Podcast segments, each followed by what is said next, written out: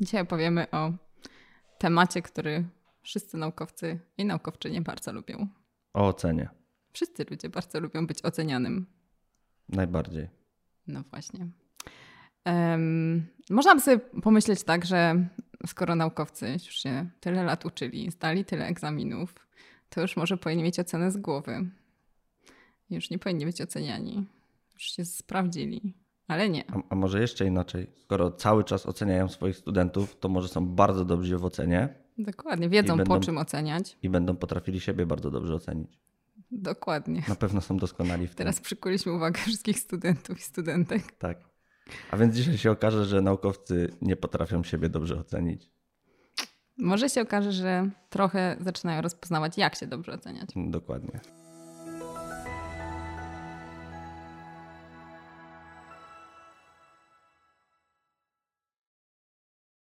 Dobra, ale wróćmy do tego podstawowego pytania, czyli po co w ogóle i w jakich kontekstach warto oceniać, czy potrzeba jest oceny e, pracy naukowej. E, no i są takie konteksty, które dotyczą właściwie wszystkich pracowników, e, czyli można powiedzieć, że na przykład przy zatrudnianiu jest ważne, żeby ocenić, kto jest dobrym naukowcem i czy chcemy go zatrudnić, czy nie. Mm, przy decyzji o nagrodach też warto mieć kryteria oceny i nagradzać tych, którzy na tą nagrodę zasługują przy awansach naukowych. Chcemy wiedzieć, czy zasługuje na habilitację na przykład, albo na tytuł profesora ktoś. Czyli musimy go w jakiś sposób ocenić. No i najważniejsza rzecz, i to co nas rozpala, czyli finansowanie. Jeżeli chcemy, jakaś mm, powiedzmy instytucja chce komuś dać grant, czyli potencjalnie dużo pieniędzy, to trzeba ocenić jakoś tą osobę. Czy ona na pewno napisze artykuły w ramach tego grantu, zrobi dobry research, potrzebujemy jakichś kryteriów oceny. Mhm. No i tu jeszcze można wspomnieć o takich e, nieformalnych kontekstach oceny, to znaczy poza takimi właśnie sytuacjami, które celem ich jest ocena pracy naukowej czy, czy naukowca, e, no to właściwie jedziemy na konferencję i podejmujemy decyzję, na czyją prezentację chcemy iść. E, zapraszamy kogoś z wystąpieniem do naszego wiem, instytutu i też decydujemy, kto jest dobrą osobą, żeby wygłosić takie wystąpienie. Więc oceniamy siebie w sposób bardziej sformalizowany albo mniej sformalizowany no bardzo często. Mm, no więc tak jak właśnie zaczęliśmy, byłoby dobrze, gdyby ta, ta ocena opierała się na dobrych kryteriach. Więc um, jakie byłyby te dobre kryteria? Ale może zaczniemy od tego, jakie stosujemy kryteria. I czy na przykład takim kryterium mogła być po prostu liczba publikacji. Liczba publikacji, czy mogła być dobrym kryterium? Zliczymy, wydrukujemy, zważymy, albo liczba opublikowanych słów. Jeszcze lepiej. Jeszcze lepiej. Ktoś się bardziej napracował, więcej napisał, więcej mu opublikowano no tak, ale dobre. wtedy się zaczniemy zastanawiać. W niektórych naukach artykuły są trochę krótsze, w innych są dłuższe, więc może to nie będzie nie aż tak uczciwe. Okay. Hmm. Dobra, to liczba słów nie. To, to może, może liczba artykułów. liczba publikacji, tak. No. no i to wydaje się, że to byłby bardzo dobry pomysł.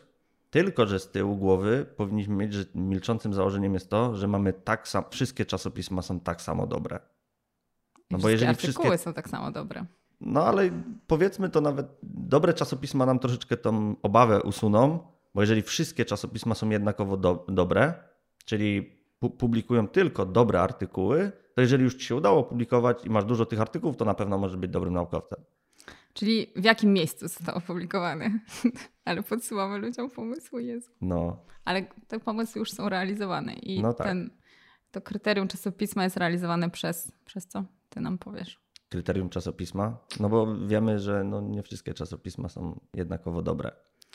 I, a te lepsze to są, czy te uznawane za lepsze to są?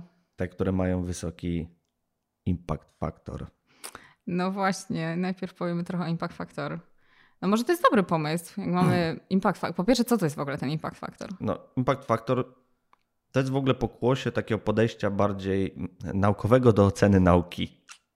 No bo y, w pewnym momencie e, ludzie zaczęli sobie myśleć, no chyba nam nie wystarczy taka jakościowa ocena. No bo ludzie publikują dużo, żurnali jest bardzo dużo i mamy takiego powiedzmy profesora, który w jeden rok wypuścił 50 artykułów, no i pracuje, dajmy na to, na danym stanowisku od 5 lat, to nam daje bardzo dużo artykułów, 250 artykułów. Kto to w ogóle przeczyta i będzie w stanie ocenić? Więc może. Kto to napisze? No w ogóle kto to napisze. Ale są takie przypadki, ludzie tyle piszą. Ja, no, nie wiem, jak, ja, nie, ja nie wiem, jak to się dzieje w ogóle. Ale powiedzmy, że. Kiedyś zaprosimy taką osobę. Żeby no ona i, Między tak. jednym artykułem rano i drugim artykułem wieczorem. Tak. No, powiedziała, jak to robi. Tak, i okaże się, że udzielając wywiadu, ta osoba będzie pisała drugą Trzeci ręką artykuł. artykuł. na temat tego wywiadu. Tak, i jednocześnie nie wiem, stopą pisała maila do czasopisma, że już ma gotowy recenzję. artykuł albo recenzję. Będzie na recenzję. Dokładnie. Może, Może tak, tak jest. jest. Ale wracając, no i ta ocena jakościowa jest trudna, bo to wszystko trzeba przeczytać, ktoś się musi na tym znać i potencjalnie jest niewiele osób, które mogą dokonać takiej oceny jakościowej. Więc wpad, wpad, yy, ludzie wpadli na pomysł, że okej, okay, to może posłużymy się ilością artykułów, ale skoro zakładamy, że czasopismo czasopismu nierówne, to może sobie w jakiś sposób ocenimy czasopisma i weźmiemy sobie na przykład artykuły z czasopism, które są dobre. No i teraz jak ocenić czasopismo? Mhm. jednym z pomysłów jest wzięcie takiego wskaźnika, który się nazywa impact factor.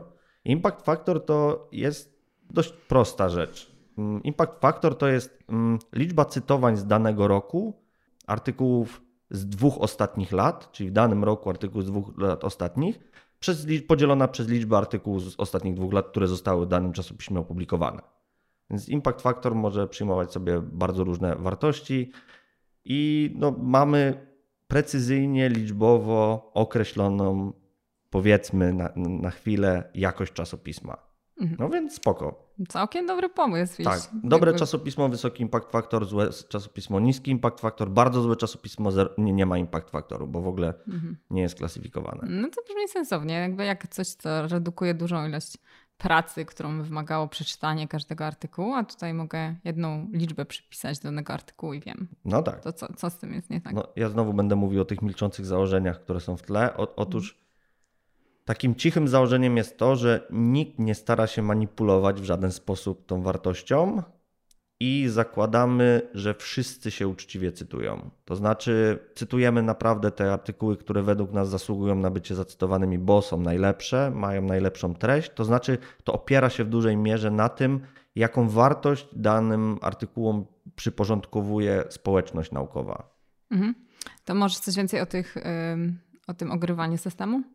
O ogrywaniu systemu. No, jest bardzo dużo e, różnych aspektów. W ogóle jak przygotowywałem Ludzie są się... kreatywni. Może to jest właściwie dobry wskaźnik kreatywności naukowej.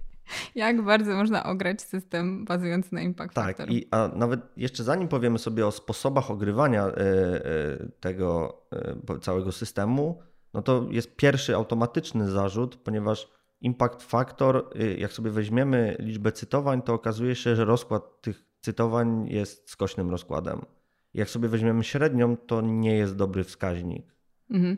A jeszcze możemy powiedzieć, e, jakby w którą stronę jest skośny, bo jeśli by było tak, że jest skośny w tym sensie, że duża liczba artykułów ma dużą liczbę cytowań, to jeszcze byłoby pewnie mniejsze zakłamanie niż tak, jak jest faktycznie, czyli bardzo mała liczba artykułów publikowanych w danym czasopiśmie ma bardzo dużo cytowań, a z drugiej strony bardzo duża liczba artykułów z danego czasopisma ma bardzo małą liczbę cytowań. Tak. I w tym sensie wydaje, że to jest o tyle ważne, że to nawet nie jest kwestia właśnie ogrywania systemu nieuczciwego cytowania. Po prostu tak jest. To znaczy większość um, artykułów nie jest bardzo um, cytowana, albo przynajmniej nie jest bardzo cytowana w tych pierwszych dwóch latach, które, które stanowią podstawę do obliczenia impact faktoru. Więc, um, więc w tym sensie z samego jakby właściwości tego rozkładu wynika, że jedna liczba przypisana do całego czasopisma nie będzie dobrym um, predyktorem liczby cytowań większości artykułów tak naprawdę z tego czasopisma. Mhm.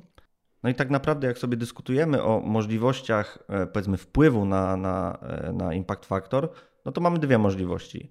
Albo chcemy bardzo podbijać ilość cytowań, albo chcemy zmniejszać ilość mm, e, artykułów, które publikujemy. I można to robić sztucznie. To znaczy, nie mhm. tylko robimy to w taki sposób, że publikujemy mniej, tylko targetujemy te, które potencjalnie mogą być publikowane, ale na przykład zmieniamy format, formę e, albo format artykułu. To znaczy uznajemy, że ten artykuł to nie jest original contribution, tylko powiedzmy to jest jakieś doniesienie albo komentarz. I wtedy to nie jest indeksowane, nie jest artykułem, który jest liczony, więc e, siłą rzeczy ilość cytowań jest dzielona przez mniejszą liczbę artykułów, więc wypada nam ten impact faktor wyższy. Mhm. No jeżeli chodzi o ten, tą pierwszą sytuację, kiedy mamy artykuły, które nam zawyżają liczbę cytowań, to jest taki śmieszny przykład z e, akta krystalografika Section A.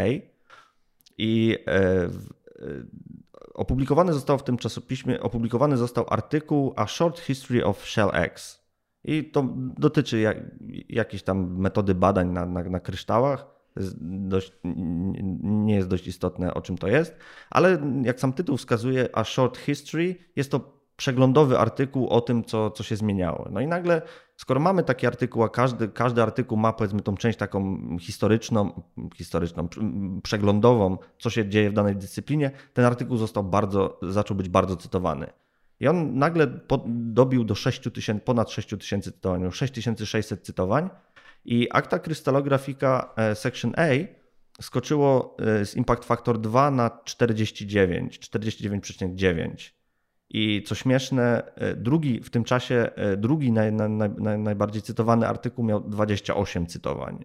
Więc pojawił się jeden artykuł z taką kosmiczną liczbą cytowań jak na ten żurnal i nagle Impact Factor bardzo skoczył. Mhm. Więc jest to wskaźnik, który potrafi być bardzo czuły. Mhm. Do tego można by dopowiedzieć, że na przykład czasopisma, które specjalizują się w publikowaniu głównie przeglądów teoretycznych, um, mają zazwyczaj wyższy impact factor, e, bo takie artykuły, mimo tego, że rzadko są właśnie doniesieniem z oryginalnych badań, są bardzo cytowane, no bo z wielu względów, których nie będziemy wspominać, ale to, to, też pokazuje, że na przykład przez publikowanie tego rodzaju, jakby określonego rodzaju artykułów można zwiększyć, e, podnieść impact factor, mhm. bo ma to wpływ tak, na cytowanie. Tak samo jak publikowane są, nie wiem, metaanalizy albo jakieś przeglądy literatury, zawsze są cytowane niezależnie od tego, jaki się pojawi artykuł w danym temacie.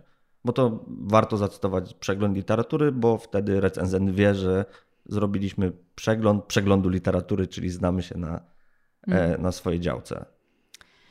Mm, ale może, no to wiemy, że to da się ograć. Wiemy, że to nie jest doskonały wskaźnik, ale może on przynajmniej koreluje z jakimiś innymi wskaźnikami, które by były te inne wskaźniki z kolei skorelowane z jakością artykułów w danym no tak, No, możemy się teraz zastanawiać, skoro impact factor ma nam zastąpić ocenę jakościową, no to jeżeli on będzie silnie korelował z oceną jakościową, no to wszystko będzie ok, mimo tego, że od czasu do czasu zdarzy się, że wyskoczy nam taki artykuł, który będzie miał 7000 cytowań i na dwa lata skoczy, na rok y, skoczy nam e, impact factor danego czasopisma. No zdarza się.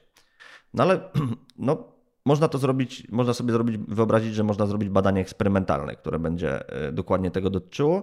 I zostało takie badanie zrobione. E, dwóch autorów, Serenko i Dohan, w 2011 roku zrobili sobie badanie na czasopismach z zakresu sztucznej inteligencji i wzięli sobie 128 czasopism, e, wzięto opinię 873 ekspertów, no i sprawdzono, czy impact factor danego czasopisma dobrze koreluje z oceną taką typowo jakościową e, ekspertów. No i okazało się, że no nie.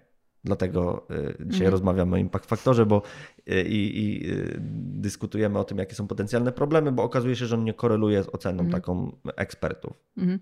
Drugie takie badanie, które też warto przytoczyć, które być może adresuje jakieś inne popularne przekonanie o impact factor, jest takie, że E, może wysoki impact factor sugeruje, że to jest bardziej selektywne czasopismo, czyli trudniej się tam jest dostać, czyli na przykład mają wyższy e, wskaźnik odrzucanych e, artykułów. Mhm. No i też zrobiono takie badanie, gdzie popatrzono na prawie 600 losowo wybranych czasopism i skorelowano ich impact factor z mm, wskaźnikiem odrzuceń. E, no i generalnie ta e, wizualizacja tej korelacji to jest linia e, płaska, że tak powiem, czyli ta korelacja była prawie bliska zero, która pokazuje, że no też nie jest to dobre przekonanie, czy trafne przekonanie, że po prostu jest bardziej selekt, trudniej się dostać do takiego czasopisma, które ma wysoki impact factor. To oczywiście też pytanie, na ile selektywność jest wskaźnikiem jakości, no ale może można podejrzewać, że, że jest, no ale nawet jeśli jest, to nie jest ona skorelowana, przynajmniej w tych badaniach z z impact faktorem. No dobrze, to pohejtowaliśmy na Impact Factor. Coś byśmy jeszcze no dorzucili? No pewnie, że tak. Dorzucimy Dajesz. do pieca, bo możemy się zastanawiać, czy... E, no bo jeżeli mamy taką sytuację, że no, Impact Factor nie koreluje nam praktycznie rzecz biorąc z niczym, z czym byśmy chcieli, żeby nam korelował silnie, no to jeżeli to jest przy założeniu, że Impact Factor jest uczciwie robiony, no to Impact Factor powinien być wyrzucony.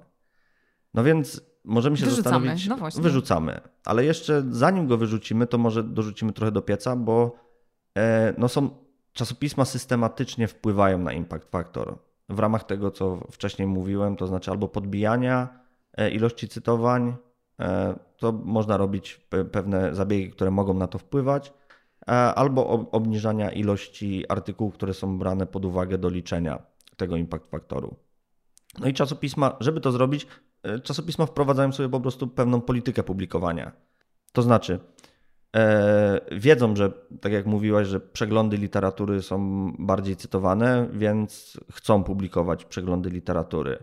E, co, co więcej, e, publikują niektóre artykuły, którym wydaje się, że będą częściej cytowane, ponieważ opublikowane są przez badaczy, którzy są często cytowani, publikują na początku roku, bo wtedy jest więcej czasu na, na, na, na cytowania tych artykułów.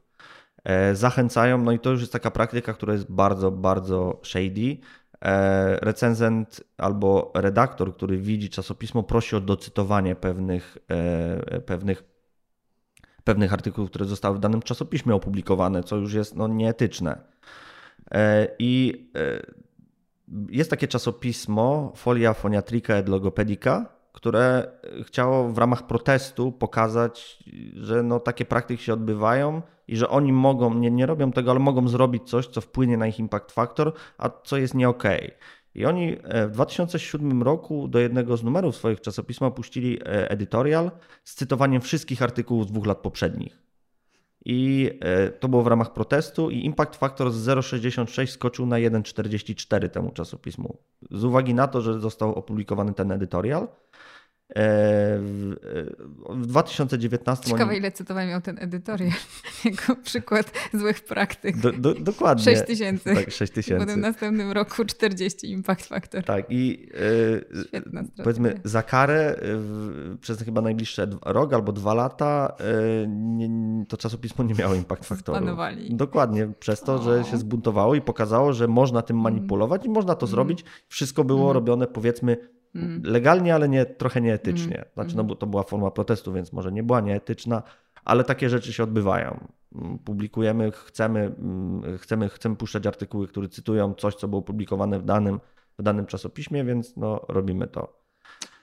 No właśnie. No więc to jest nie okej. Okay. No, czasopisma chcą mieć wyższy impact factor, bo jak mają wyższy impact factor, to zazwyczaj E, naukowcy chcą publikować w tych czasopismach, bo im zależy, bo często impact factor jest brany do indywidualnej oceny e, naukowców. To znaczy, starają się ludzie przekładać impact factor czasopisma na e, indywidualną, powiedzmy, zasługę danego badacza. No właśnie, co tak naprawdę jest jakby tak absurdalne no. w świetle tego, o czym, o czym mówimy, mówiliśmy wcześniej. Jakby dostajemy, jakby zostajemy ocenieni za publikację w e, czasopiśmie, którego jakby impact factor być może zupełnie nie zależy od naszego artykułu. Tak. tak. Podczas gdy tak naprawdę osoby oceniające mają dostęp do naszego artykułu i właściwie mogłyby ocenić po prostu nasz artykuł.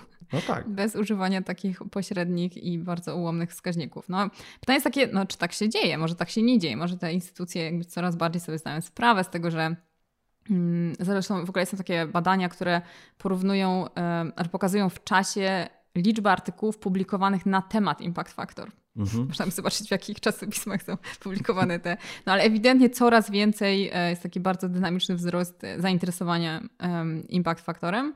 E, no i świadomość ty, tych ułomności. No i w związku z tym, czy tak się dzieje, czy są zmiany. No więc jedno z takich badań, które przyglądnęło się uniwersytetom i ich systemom oceniania pracowników kilka lat temu opublikowany.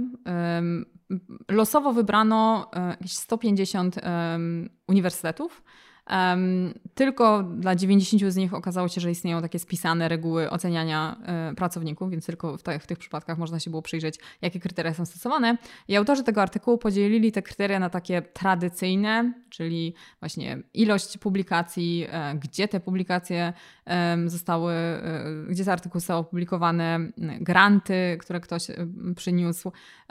To powiedzmy kolejność autorstwa w publikacjach, o tym też powiemy później. I takie bardziej progresywne y, kryteria, jak właśnie. I tu już za progresywne kryterium uznawane było na przykład, czy przyglądano się cytowaniom danego artykułu. O jakby cytowaniach nie, nie będziemy dzisiaj za dużo mówić, ale to jest bardziej powiedzmy precyzyjna miara wpływu danego mhm. artykułu. Mhm. No nie, nie cytowania na poziomie czasopisma, tylko cytowania na poziomie poszczególnego artykułu.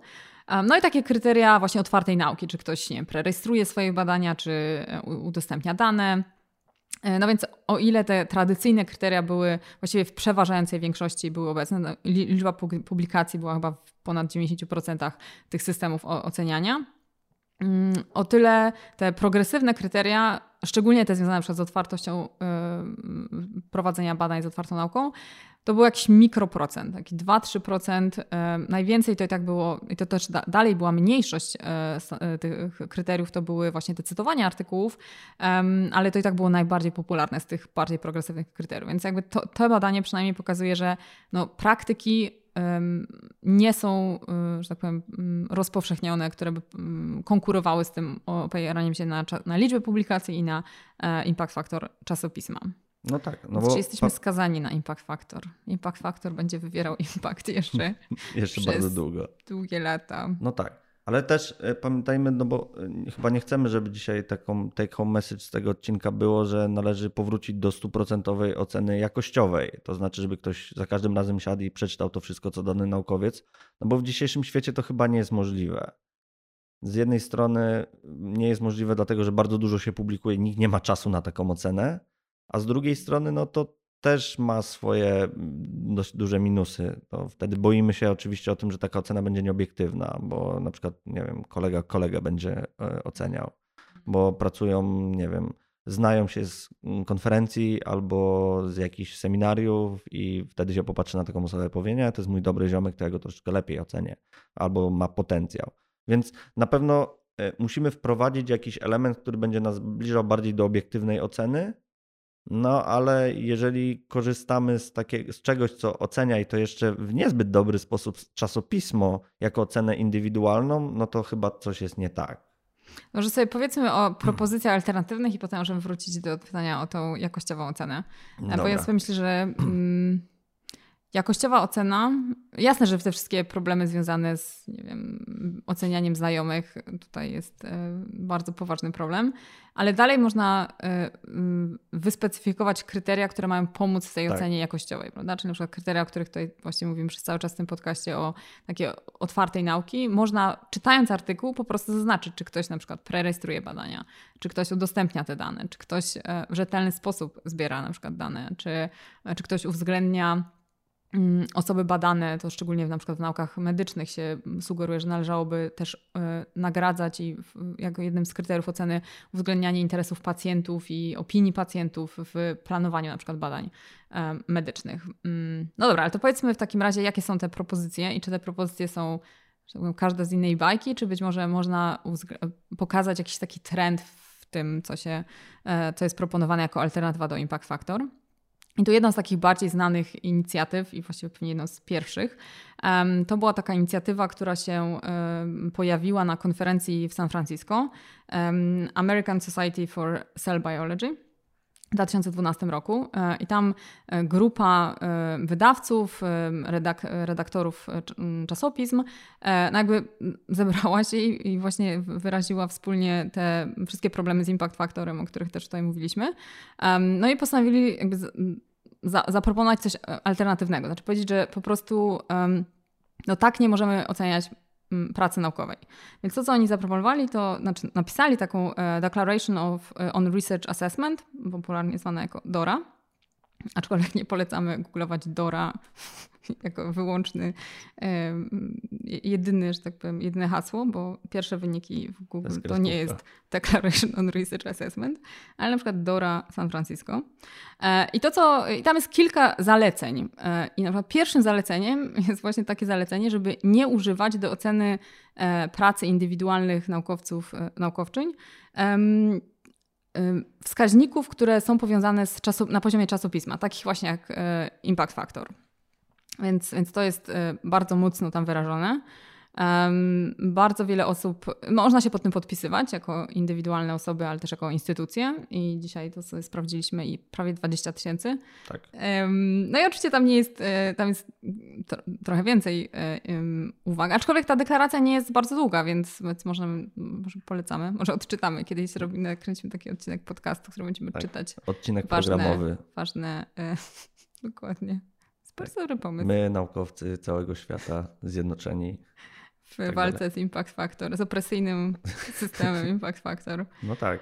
Mm, ale tam właśnie y, też takim głównym, czy jednym z ważniejszych elementów tej deklaracji jest to, żeby położyć nacisk na treść. Znaczy, że jeśli mamy mhm. dostęp do treści artykułu, to zacznijmy od treści artykułu. To znaczy, jasne, nie możemy przeczytać na przykład wszystkich artykułów, jak ktoś ma 300 publikacji, nie będziemy czytać 300 publikacji. Ale to, co można zrobić, to można poprosić e, tą osobę o wybór pięciu najważniejszych publikacji. I po pierwsze może się okazać, że to wcale nie są publikacje z najwyższym impact factor, ale też wiemy, co ta osoba uważa za swój najważniejszy wkład.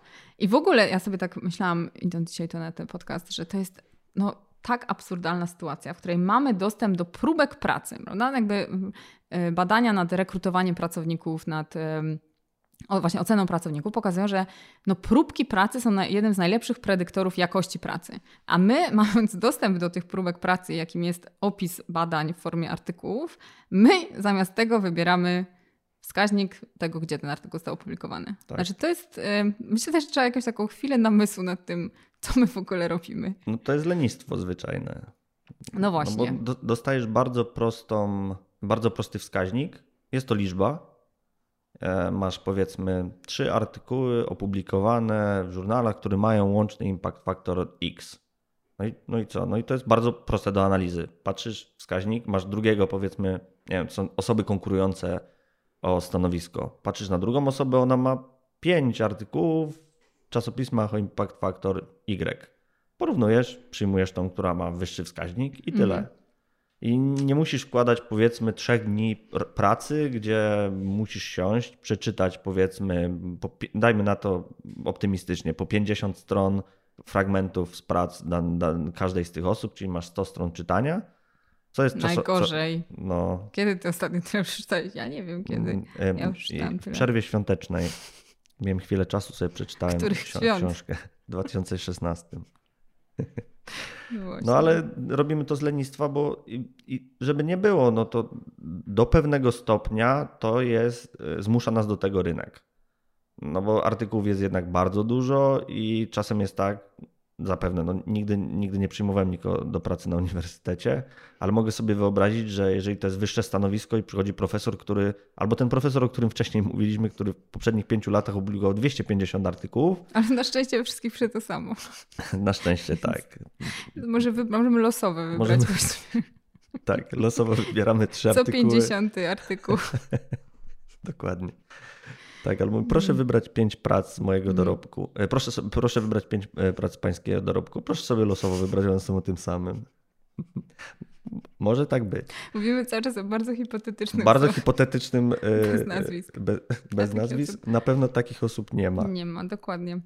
E, dobra, czy powiedzieliśmy, że w, w, tej, w tej deklaracji kładzie się nacisk na treść. Mhm. E, to, na co również się kładzie nacisk, to na to, żeby cytować oryginalne badania. Czyli tak jak wcześniej mówiliśmy, że mm, przeglądy literatury mają dużą liczbę cytowań. I żeby właśnie w taki sposób sztuczny nie nabijać e, cytowań artykułów, które tak naprawdę jakby są doniesieniami z cudzych badań, mhm. to powinniśmy docierać do tych oryginalnych badań i cytować te oryginalne. Tak, no chcemy badania. oceniać oryginalny wkład badawczy, nie? Jeżeli mhm. ktoś robi, powiedzmy, napisał editorial, którym jest napisane tam po 10 słów na temat kilku artykułów, i to ma tysiąc cytowań, no to nie chcemy tego oceniać wysoko, no bo to jest mała praca. Znaczy, no, ktoś musiał przeczytać te powiedzmy 10 artykułów i napisać te 10 słów, no ale jeżeli ktoś zrobił metaanalizę, gdzie siedział nad tym 3 lata, i zrobił naprawdę dobrą robotę, która faktycznie jest robotą, pracą na innych artykułach, ale no nie wiem, są poważne narzędzia statystyczne tam i to jest dobra analiza, no to chcemy dużo bardziej, znaczy dużo bardziej preferujemy taką, taką pracę, bo to jest oryginalna praca. Więc... No właśnie, znaczy tam jest dodatkowy wkład y, tak w takiej metaanalizie i, i artykuły teoretyczne też mają swój dodatkowy wkład, więc jakby to, to, nie chodzi o to, żeby nie mhm. cytować tego. Natomiast jeśli chodzi, jeśli na, celem naszego cytowania jest opowiedzenie o oryginalnym badaniu, to po prostu nie cytujmy za kimś, tylko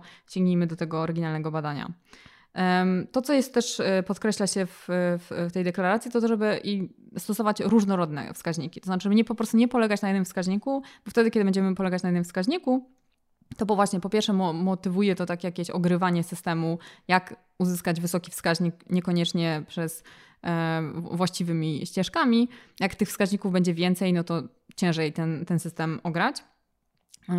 Możemy powiedzieć też o innym, też całkiem znanym e, właśnie takim dokumencie, który się nazywa Leiden Manifesto, Manifesto zaproponowanym między innymi przez Diane Hicks, e, gdzie bardzo podobne wątki się pojawiają. Czyli znowu ilościowa ocena, na przykład bazująca na ilości cytowań, ilości artykułów, impact factor, chociaż akurat impact factor to w ogóle nie, ale powinna być y, powinna stanowić uzupełnienie dla takiej jakościowej, eksperckiej oceny. Mm, to, co też y, podkreśla się, co też znowu, jakbyśmy patrzyli na system ocen gdziekolwiek indziej poza uniwersytetami, e, no to to jest oczywiste, że wskaźniki powinny być dopasowane do celów oceny. Także ocena może mieć różne funkcje um, i w zależności od, te, od, od, tego celu powinniśmy dobrać być może inne wskaźniki. Tak? Jeśli chodzi nam na przykład o wzmacnianie pracy zespołowej i y, zatrudnianie ludzi, którzy będą dobrymi e, członkami zespołu, no to może musimy wybrać inne wskaźniki oceny, e, a nie to, ile razy byli pierwszym autorem albo autorką. Mhm, tak, na przykład w tym przypadku dobrym wskaźnikiem będzie, nie wiem, uczestnictwo w międzynarodowych grantach albo publikacje, które były efektem jakiejś kolaboracji i, i tak dalej, i tak dalej. No, takich wskaźników generalnie do, do każdego z celów, które może stawiać sobie uniwersytet albo dana jednostka badawcza, możemy sobie wyprodukować taki wskaźnik, bo tych wskaźników możemy, możemy sobie nawet na swoją własną potrzebę sztucznie stworzyć taki wskaźnik, który będzie dla nas istotny. A problemem jest właśnie to, że bazujemy na pewnym, tak powiedzmy, standardowym zestawie wskaźników, gdzie jednym z tych wskaźników jest impact factor i staramy się dostosować to albo zaaplikować to do każdej możliwej sytuacji. Więc faktycznie, jeżeli chcesz zatrudnić kogoś, to idealnie wpisze się w zespół i będzie potrafił badać, e, pracować z kilkoma e, badaczami wspólnie, robić projekty. Mm, patrzysz na jego impact factor, znaczy na impact factor czasopis, których publikował, i tam jest w każdym przypadku jedynym autorem no to nie za dużo ci mówi, czy on będzie dobrze pracował w teamie. Mhm. A później się okazuje, że w gorszych mamy in, Już innego może kandydata. Coś właściwie mówi. no tak. Patrzymy sobie na innego kandydata, który ma gorsze publikacje, ale wszystkie to są publikacje wieloautorskie, gdzie jest ładnie na przykład opisany wkład, o Właśnie, którym zaraz będziemy zaraz mówili. No to mamy podstawy do, do stwierdzenia, że może taka osoba będzie do, do, dobrym graczem zespołowym. Mhm.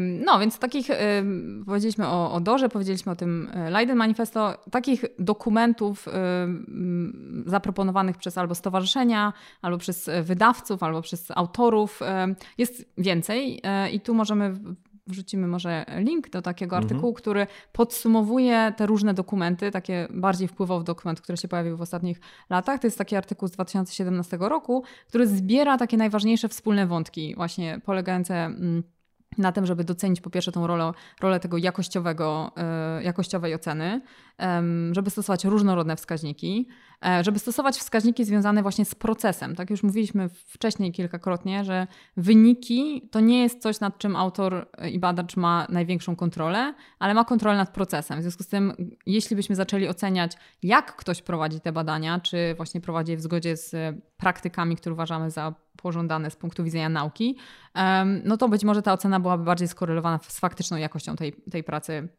naukowej.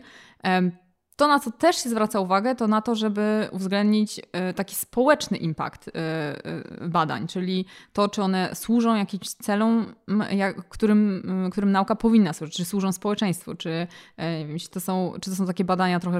Oczywiście to trzeba rozróżnić, jeśli coś jest celem, celem są badania podstawowe, no to. Tak, jako teoretyk prawa poczułem się zaatakowany.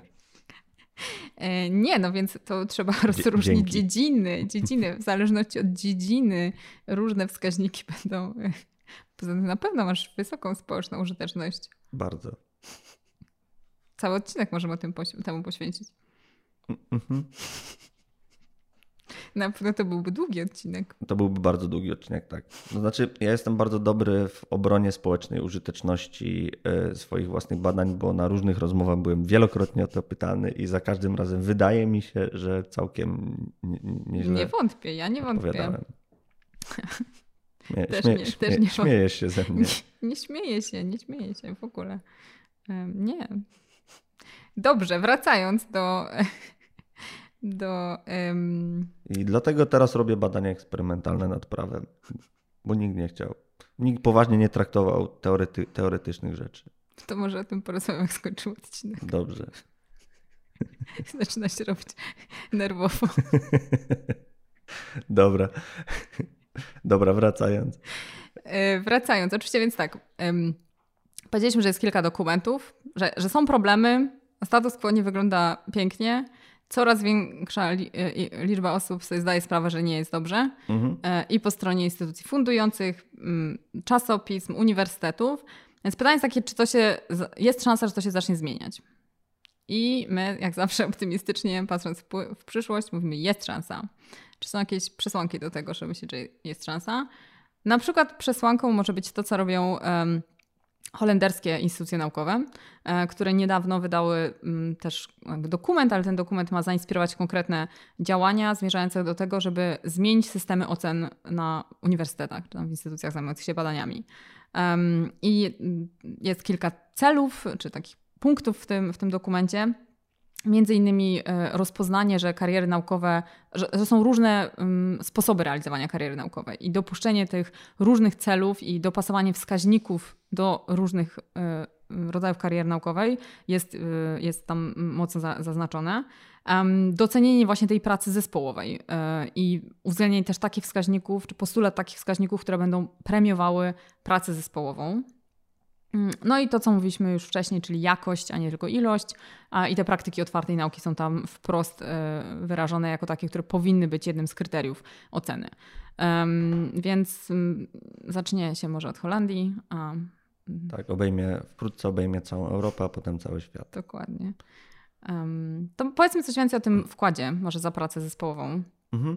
No bo w wielu naukach mamy e, faktycznie badania, które się prowadzi w dużych zespołach i pojawia się problem, e, jak oceniać, jeżeli mamy publikację, która jest wieloautorską publikacją, jak oceniać wkład danej osoby.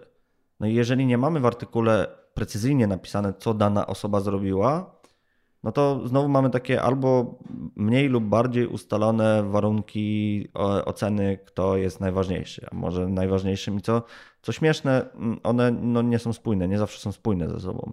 Czasem mówi się, najważniejszy jest pierwszy autor, Pó- później ktoś powie, najważniejszy jest ostatni autor.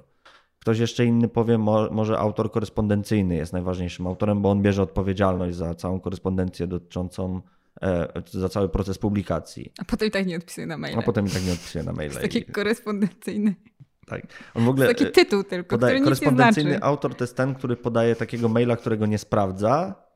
E, korzysta oczywiście z innego i na, Z wchodził którego przez, odbija w ogóle automat odbija, że już, już nie ma na, w tej instytucji nie ma takiego. właśnie. A dane prosimy nie pisać.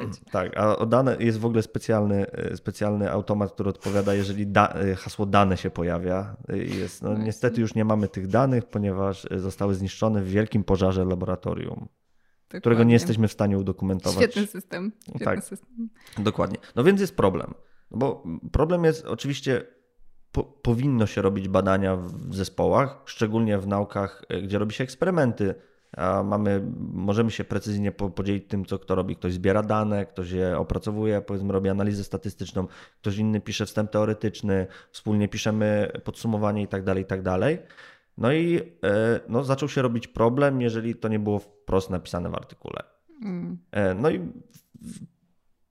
są pewne e, pomysły, w jaki sposób powinno się dodawać takie fragmenty do artykułów, żeby ktoś oceniający e, i oceniający jakościowo na przykład taki artykuł był w stanie, albo powiedzmy nawet nie artykuł, tylko daną osobę, która brała udział w przygotowaniu tego artykułu, żeby on był w stanie widzieć, co dana osoba zrobiła, żeby potencjalnie ocenić go, e, nakładając to na pewien cel oceny, którą sobie sprecyzował. Mhm. Jeżeli chcemy zatrudnić człowieka, który ma się zajmować e, analizą danych w naszym zespole, i on daje nam 10 artykułów, których był współautorem, no jeżeli tam nie ma nic o tym, co on zrobił, no to ciężko nam ocenić, czy on będzie e, dobrze pasował jako osoba do analizy danych. Powiedzmy, to jest jedno z kryteriów, dajmy na to Mhm. taką e, hipotetyczną sytuację, ale jeżeli w każdym z tych artykułów jest napisane, że po zebraniu danych przez osobę X ta dokładnie osoba dokonała takich takich czynności, które dotyczyły analizy danych, łatwiej nam to ocenić.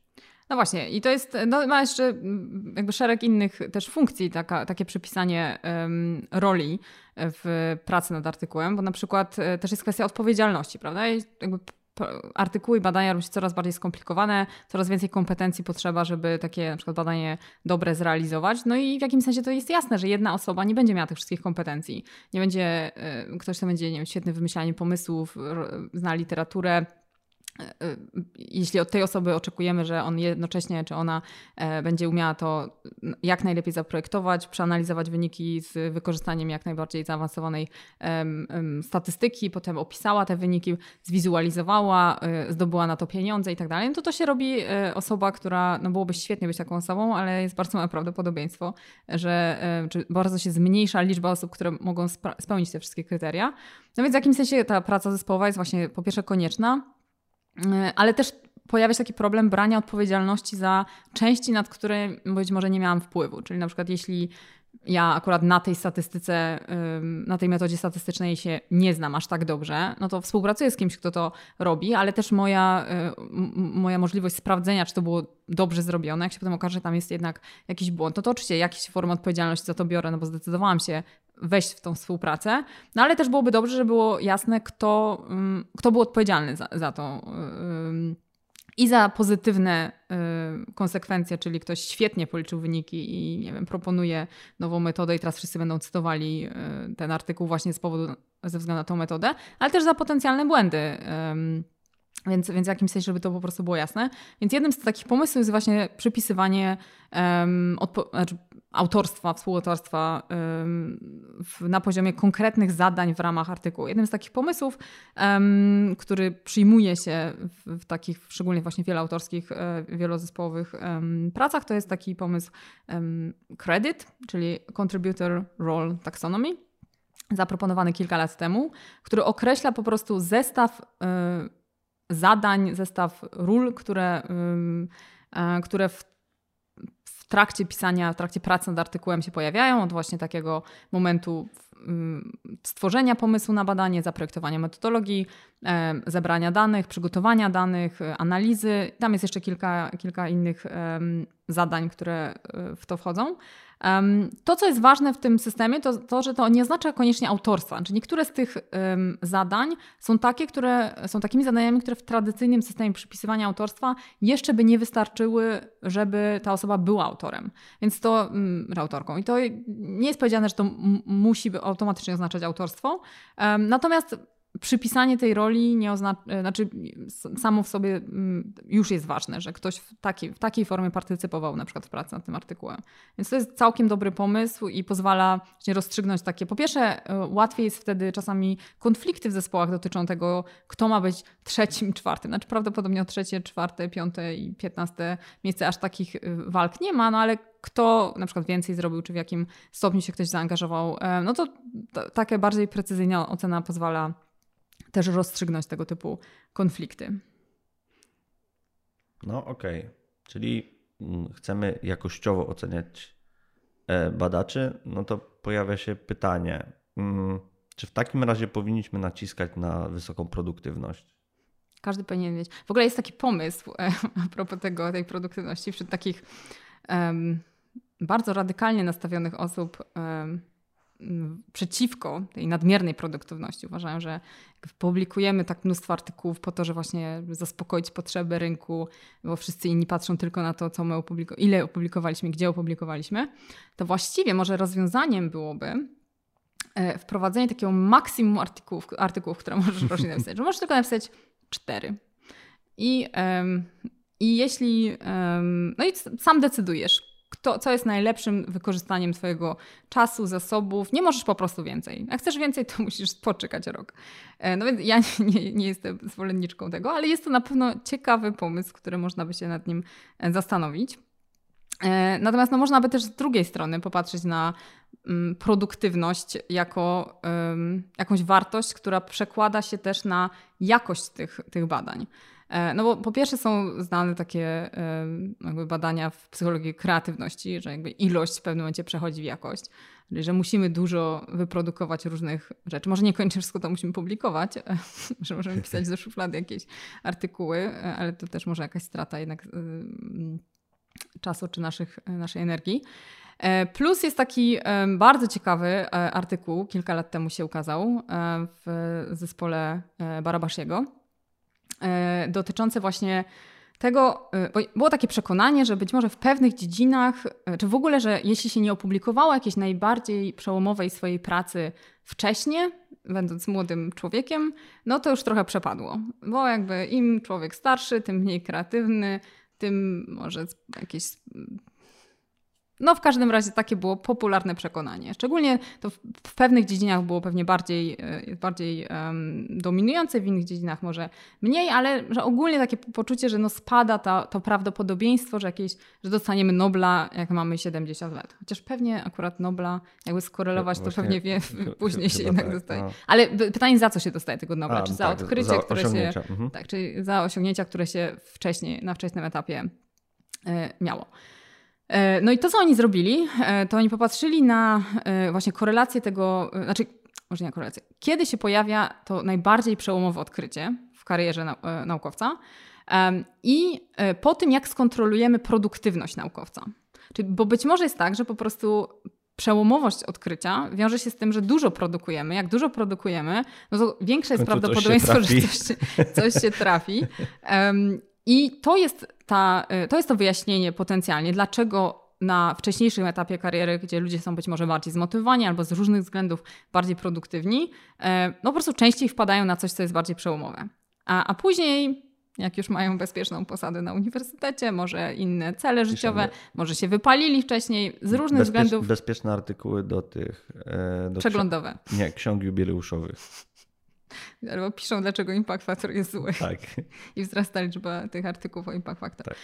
E, no, więc oni przeanalizowali właśnie taką, ta, przedstawili taką hipotezę. No i okazało się, że faktycznie tak jest. To znaczy, że powód w jakimś sensie powodem, dla którego te przełomowe odkrycia pojawiają się wcześniej, na wczesnym etapie kariery, e, jest właśnie taki, że wtedy ludzie są bardziej produktywni. Że jak utrzymamy produktywność, albo nie, niekoniecznie musimy utrzymać, możemy zwiększać produktywność, możemy być mniej produktywni na, na wcześniejszym etapie kariery, jeśli tylko uda nam się przetrwać w tym systemie do późniejszego etapu kariery i tam jest, wtedy jesteśmy bardziej produktywni to być może to prawdopodobieństwo tego, że wtedy będzie nasze największe odkrycie, jest e, dokładnie takie samo. Więc to jest e, dla osób w tym podeszłym wieku naszym, jest to optymistyczne e, przesłanie. Je, jeszcze, jeszcze, jeszcze coś możemy. Coś, właśnie. Dokładnie, tak. Więc wracając do pytania, czy ma, jesteśmy przeciwko produktywności, no to pewnie nie jesteśmy przeciwko produktywności. Znaczy, ale... jesteśmy na pewno przeciwko wymuszaniu produktywności. I nie jesteśmy za produktywnością dla samej produktywności. Dokładnie. A już nie jesteśmy na pewno za produktywnością na rzecz celów, które są bez sensu, e, o których właśnie na początku mówiliśmy. Ostatnia rzecz, o której możemy mm, powiedzieć krótko. Powiedzieliśmy o tym, jakie są różne propozycje oceny e, i dlaczego e, ten impact factor nie jest dobrą propozycją oceny. Ale dobrze też było powiedzieć, jak nie oceniać. Jak nie oceniać? Na pewno nie, nie, nie, nie, nie oceniać arbitralnie. To znaczy bez dobrych kryteriów, które nie zostały. No bo e, możemy się zastanawiać, bo kryteriów, tak jak mówiliśmy przez cały odcinek, kryteriów oceny może mieć bardzo dużo. I to nie jest tak, że mamy jeden ustalony zestaw kryteriów, i on będzie zawsze tym najlepszym zestawem kryteriów. To znaczy, i druga rzecz, o której wspominaliśmy, mamy określony cel i do tego celu sobie chcemy zaprojektować jakiś zestaw kryteriów. I teraz mi się wydaje tak zupełnie ogólnie, że no jeżeli dokonamy, dobrze to zaprojektujemy i zostanie to w jakiś sposób przemyślane, no to mimo, że to zapewne będzie miało jakieś, e, jakieś, e, nie wiem, jakieś plusy i minusy, w szczególności minusy, bo nie ma perfekcyjnego sposobu oceny, który na przykład jest zaprojektowany dla dużej populacji naukowców z różnych dyscyplin, no to jeżeli to zrobimy z głową, to znaczy zostanie to przemyślane, skonsultowane, to no, będzie jakiś pomysł i da się to obronić. Na tym, mhm. jak nie oceniać, podstawową odpowiedzią na to pytanie jest no nie, nie możemy arbitralnie losować kryteriów z kapelusza. Nie możemy przyporządkować wartości punktowej do jakiegoś osiągnięcia i robić to zupełnie z pominięciem jakichkolwiek ustaleń i poza jakimikolwiek e, mm, konsultacjami i no, na koniec chyba poza jakąkolwiek logiką przyporządkowania takich punktów. Znaczy ta mhm. ocena, ona powinna być po prostu spójna w jakiś, w jakiś sposób i przynajmniej e, konsultowana z naukowcami, bo bez konsultacji z naukowcami to nie ma żadnego sensu, bo oni wiedzą, jak, jak dokładnie to wygląda i powinna być dostosowana do, do, do, do celu ewaluacji. Więc mhm. no, podstawowa rzecz, która nam się nie podoba i pewnie się ze mną zgodzisz, to jest zupełna arbitralność oceny. Mhm. I też no, takie zupełne niepowiązanie z tymi kryteriami rzetelnej nauki, o których tak. Wszystkie te postulaty, o których mówiliśmy wcześniej, to co mówią to to, że po prostu trzeba wybrać zróżnicowane wskaźniki, które są powiązane z tym, e, jaką chcemy, żeby nauka była oraz e, powinny być oparte na dowodach, czyli powinny być nawet jeśli ta początkowa propozycja, nie mamy jeszcze danych, e, żeby ocenić, czy ona będzie skuteczna, będzie promowała te mm, praktyki i te mm, zachowania naukowców, o które nam chodzi, to powinno być nastawienie silne na to, żeby szybko weryfikować, czy dany system ewaluacji służy, czy wręcz jest kontrproduktywny tak dla jest. celów nauki. Ewaluujmy system ewaluacji cały czas. No, nie ma nic złego w dostosowywaniu e, systemu ewaluacji i zmianach w tym systemie pod wpływem e, nie, obserwacji tego, jak on działa, no tylko, że chcielibyśmy, żeby były jakieś racje za tym, żeby stało. To znaczy zmieniamy dane rzeczy dlatego, że wydaje się, że coś zostało, nie wiem, niedoszacowane.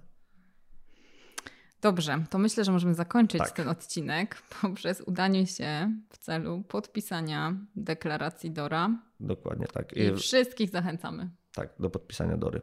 A jakby się ktoś zastanawiał, dlaczego my jeszcze tego nie zrobiliśmy wcześniej, to my po prostu czekaliśmy, czekaliśmy na, na, ten, ten odcinek. odcinek.